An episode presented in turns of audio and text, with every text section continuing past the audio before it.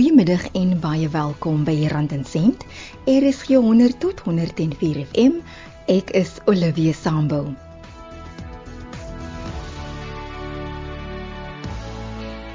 Blomme is een van die mooiste geskenke om te ontvang of om te gee. Senel Roo en haar ma is mede-eienaars van Betalie Blomme in Pretoria. In 2019 het sy besluit om haar hart te volg en 'n blommewinkel oop te maak. Ek wil by haar weet hoekom sy die naam Betalie gekies het. Omdat die winkel in die moed was, wou ek baie graag 'n Afrikaanse naam gehad het vir die winkel. Dit was vir my nogal belangrik. Maar toe het ek ook gedink aan weet watse woorde is daar nou in Engels en Afrikaans dat as jy die woord nou moet lees, wat gaan jy raak lees want jy lees mos in jou eie taal. So as jy nou Betalie lees, dan lees jy Betalie as jy Afrikaans is.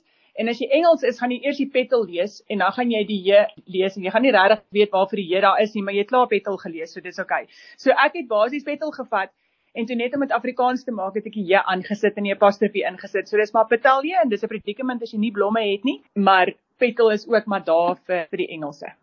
Die betowering van blomme as 'n geskenk vir alle geleenthede het oor die jare nooit vervaag nie. Ek dink mense kyk altyd vas en sit blomme in 'n blompot daar's so baie goed wat mense kan doen met blomme. Jy kan dit in 'n kraan sit vir Kersfees, jy kan 'n kroon op jou kop sit. En die groot ding van blomme is dit pas by enige geleentheid of dit nou 'n hartseer of 'n bly geleentheid is. En ek voel ook altyd mense het nie altyd die woorde om te sê wat hulle vir jou wil sê nie. En die blomme sê eintlik wat jy wil sê sonder dat jy dit self hoef te verwoord. Daar is ook maniere waarop jy jou blomme langer vars kan hou en sodoende ook meer waarde daaruit kan kry weet jy wat, mense dink altyd aan vreeslike gimmicks, maar eintlik is die grootste ding maar net vars water elke dag. Sny daai puntjie elke dag bietjie af onder teen 'n skynste, want as jy hom skyn sny dan is die oppervlakte wat die water deur geabsorbeer word groter. Vars water elke dag en dan staan 'n paar geheime om weet soos Durveras hou van 'n bietjie kloor in die water byvoorbeeld, dan bly daai stammetjies lekker lank en reguit. En rose as hulle bietjie papperig begin raak, dan skok jy hom net so bietjie in kookwater vir 10 sekondes en dan sit jy dit weer in yskoue water. Maar die grootste ding is niks is snaaks is spuite, kosse niks nie, net lekker vars skoon water elke dag. En 'n koel cool plek. Hou dit koel, cool, maar dit nou nie in direkte sonlig gaan sit nie, want dan gaan dit nie hou nie. Betalie blomme was vir 9 maande oop toe hulle weens die inperkings moes sluit en hulle het die winkel aanlyn geloods om die voortbestaan van die besigheid te verseker.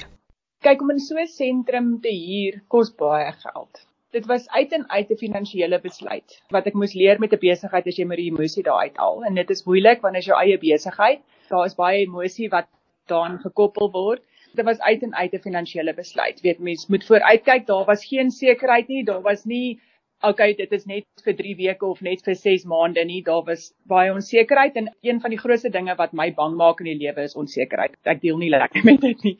So ons moes vroeg 'n besluit neem want dit het baie geld gekos om die besigheid op die been te bring en om oop te maak en die winkel mooi te maak en die produkte in te sit. En ons moes dit maar net sien as 'n bemarkingsstrategie vir 9 maande waar ons 'n kliëntebasis opgebou het. En ons moes ons verliese sny en voortgaan. Weet ons kan nie aanhou dwel op wat kon gewees het nie. Ek het vir my man gesê daai eerste week omdat hy ook vir homself werk. Toe sê ek vir hom ons kan nou of worry vir die volgende 3 weke, maar nou dink jy dit gaan nou net 21 dae wees, wie hoop is net 21 dae. So ons kan nou of sit en worry of ons kan nou vrede maak met die feit dat dit is nou wat dit is en ons kan hierdie tyd gebruik om as 'n gesin saam te spandeer en te rus. Dit is eintlik die beste besluit wat ons kon neem want dan besef jy hoe jy eintlik rus nodig het want as jy twee mense in 'n huisgesin het wat albei afhanklik is van hulle eie besighede. Jy werk die hele tyd en jy is eintlik heeltyd gestres want jy's heeltyd afhanklik van nuwe besigheid wat inkom. So toe ons eers daai besluit maak en ons besef dat al wat ons nou kan doen is rus. Toe sien ek eintlik hoe my man ontspan vir die eerste keer in 'n jaar en 'n half en hoe ek bietjie kan ontspan en dan begin jy helder dink weer oor goed. Toe kry ek die brainwave van die webwerf en ek begin aan nuwe maniere dink hoe ons die besigheid kan groei en ontwikkel om nog steeds dat as hierdie goed gelig is weer aan die gang te kom. Dan word jy eintlik slim as jy rus en jou brein rus dan kry jy idees. Dis as jy so gestres is dat jy tunnelvisie het en jy nie weier kan dink as die onmiddellike eindpunt wat jy gedink het jy in gedagte het nie. Die ontwerp van die webtuiste is baie belangrik as jy 'n aanlyn winkel bedryf. En Sanel wil ook hê dat haar persoonlikheid weerspieël moet word op die webtuiste. Ek dink is omdat ek dit self gedoen het. Die eerste 2 weke van daai haar lockdown het ek daai webtuiste gedoen. Ek het vroeg besef dat met hierdie hele ding gaan ons nie vinnig weer daai winkel oopgemaak kry nie. Maar my eerste prioriteit was om die besigheid aan die gang te hou en ek kon sien dat aanlyn is maar die, die weg om te gaan. So ek het homself gebou, ek het homself getrial en error en ek dink dis omdat ek dit self gedoen het. Dit kon nie anders as om te weerspieël wie ons is nie. Besighede is afhanklik van verskillende verskaffers vir dienste en produkte en deur mekaar te ondersteun, dra hulle ook by tot die groei van klein sake ondernemings. Plaaslike besighede en kleiner besighede van was van die begin af een van ons passies. En ek was eintlik aangenaam verras toe ek nou begin soek vir verskaffers vir die winkel om te sien dat binne 'n 5 km radius net hier in die moed was daar soveel talent en baie goeie kwaliteit produkte. 90% van ons verskaffers was nie net van Pretoria af nie, maar van die moed af. En daar is ook soveel ander platforms nou soos Pretoria Products en verskillende stede het ook daai selfde tipe platform waar jy op een platform kan gaan kyk, sê net maar jy soek 'n produk. Dan kan jy op een platform kyk wat daar is voordat jy nou na 'n groot koöperatiewe besigheid toe gaan. So ek dink doen jou navorsing, ondersteun sosiale media platforms wat daar opgestel is om klein besighede te ondersteun, want dan so ondersteun jy ook weer eens nog 'n klein besigheid en werk saam met mekaar, moenie teen mekaar werk nie. Ek dink hierdie erge mededingendheid waar klein besighede teen mekaar kompeteer is ook besig nou om te verander. Mense besef hulle moet saam met mekaar werk, maar mense kry soveel meer uitgerig as jy mense wat in jou industrie is en ek het dit ook nou agtergekom ondersteun in plaas van om almal as kompetisie te sien. Jy's baie sterker as jy jouself omring met mense wat dink soos jy al is dit in dieselfde industrie en in die verlede jy dalk hulle sou gesien het as kompetisie. Elke pynlike tydperk gaan gepaard met lesse wat uiteindelik geleer word en wat jou as besigheidseienaar laat groei. Die belangrikste is, is om nie moedeloos te word nie. Ek dink die pad is nie altyd reguit nie, maar hy is op pad ergens heen. Droom groot, maar moenie laat jou kop dwaal nie. Behou jou fokus en soos ek vroeër gesê het, haal die emosie uit. Dit is baie moeilik, maar dis besigheid. Dit was Senel Roo van Betalie Blomme in Pretoria. Wanneer mens 'n plan het en jy weet waar jy op pad is, dan is daar besluite wat jy moet dan maak dit vir jou sin.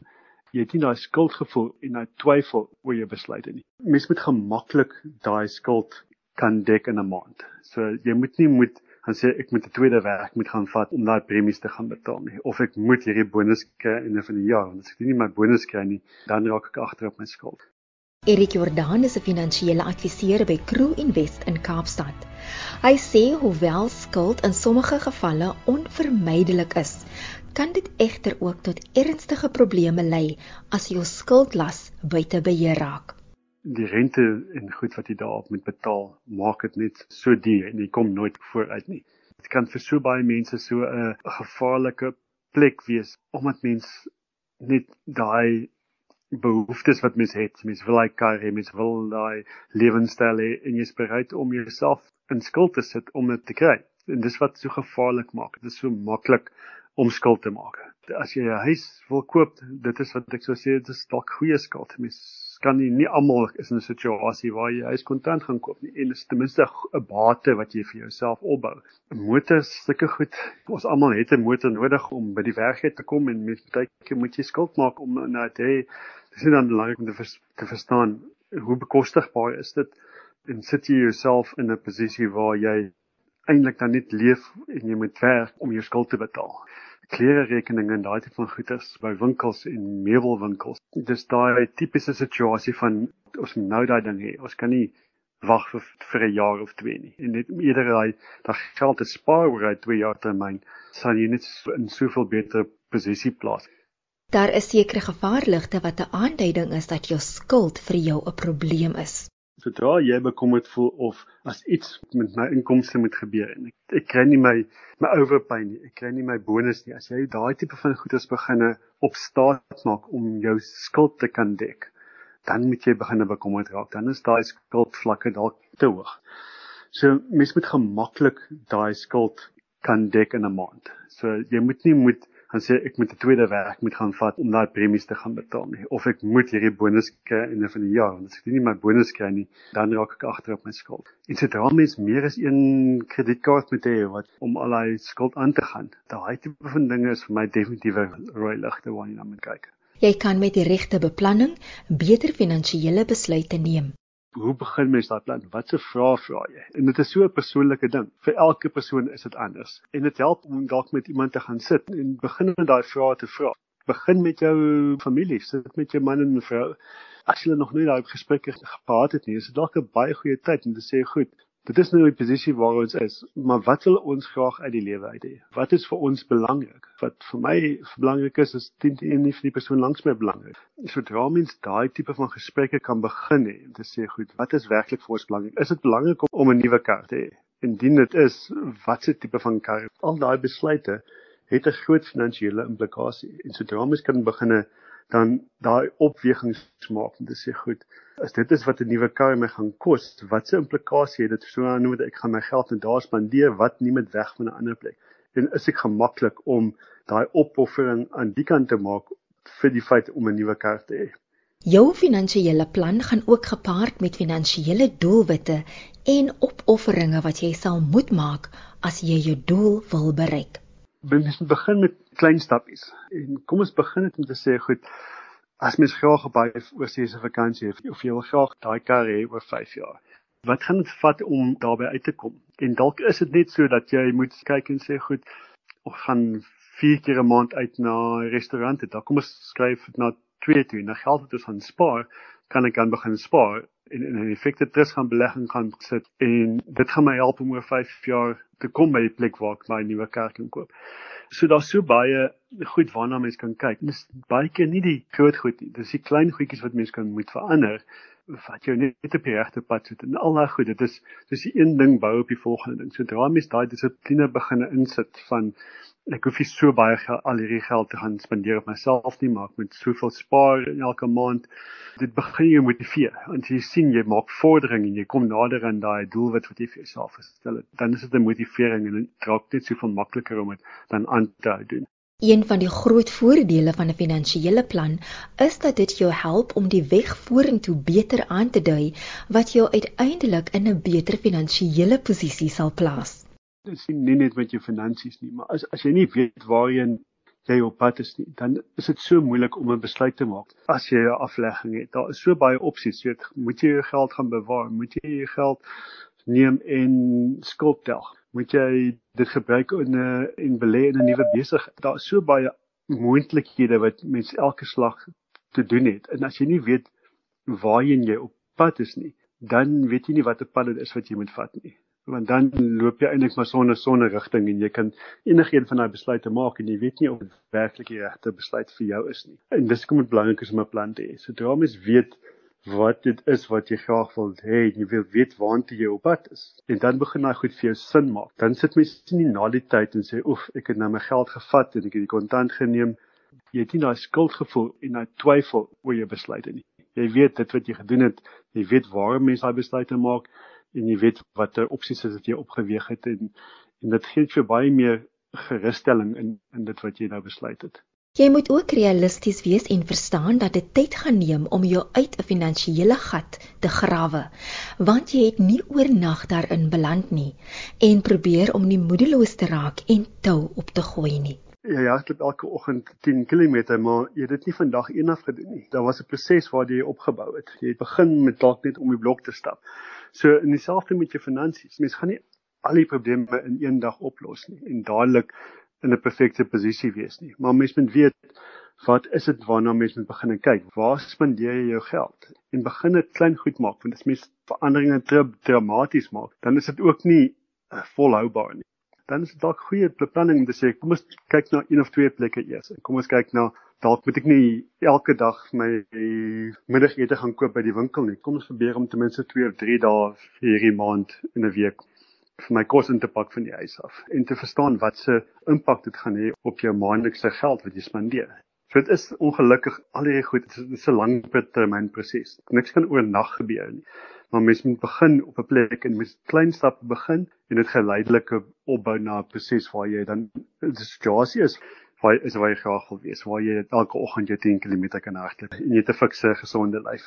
En dit is miskien baie keer hoekom dit so belangrik is om met 'n finansiële beplanner saam te werk of met 'n familielid as indien jy nie toegang het tot so iemand nie. Iemand wat jou kan hou op die regte pad. Iemand sien wie jy verantwoording moet doen om te sê dis wat my beplanning was, dis wat ek graag wil doen, maar met wie gaan jy oor 3 maande sit en te sê goed, dis wat ek graag wou gedoen het, het ek dit alles gedoen en indien nie, wat is die redes hoekom ek dit nie gedoen het nie?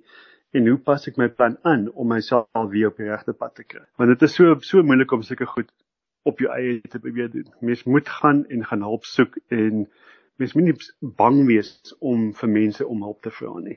Dit was Erik Jordaan van Crew Invest. Ek het ook met Sanel Roo van Betalie Blomme gesels. Ek is Olivia Sambo. Baie dankie dat jy ingeskakel het. Rand en sent word weer Woensdagoggend om 04:30 herhaal. Totsiens en sterkte vir die week wat voorlê.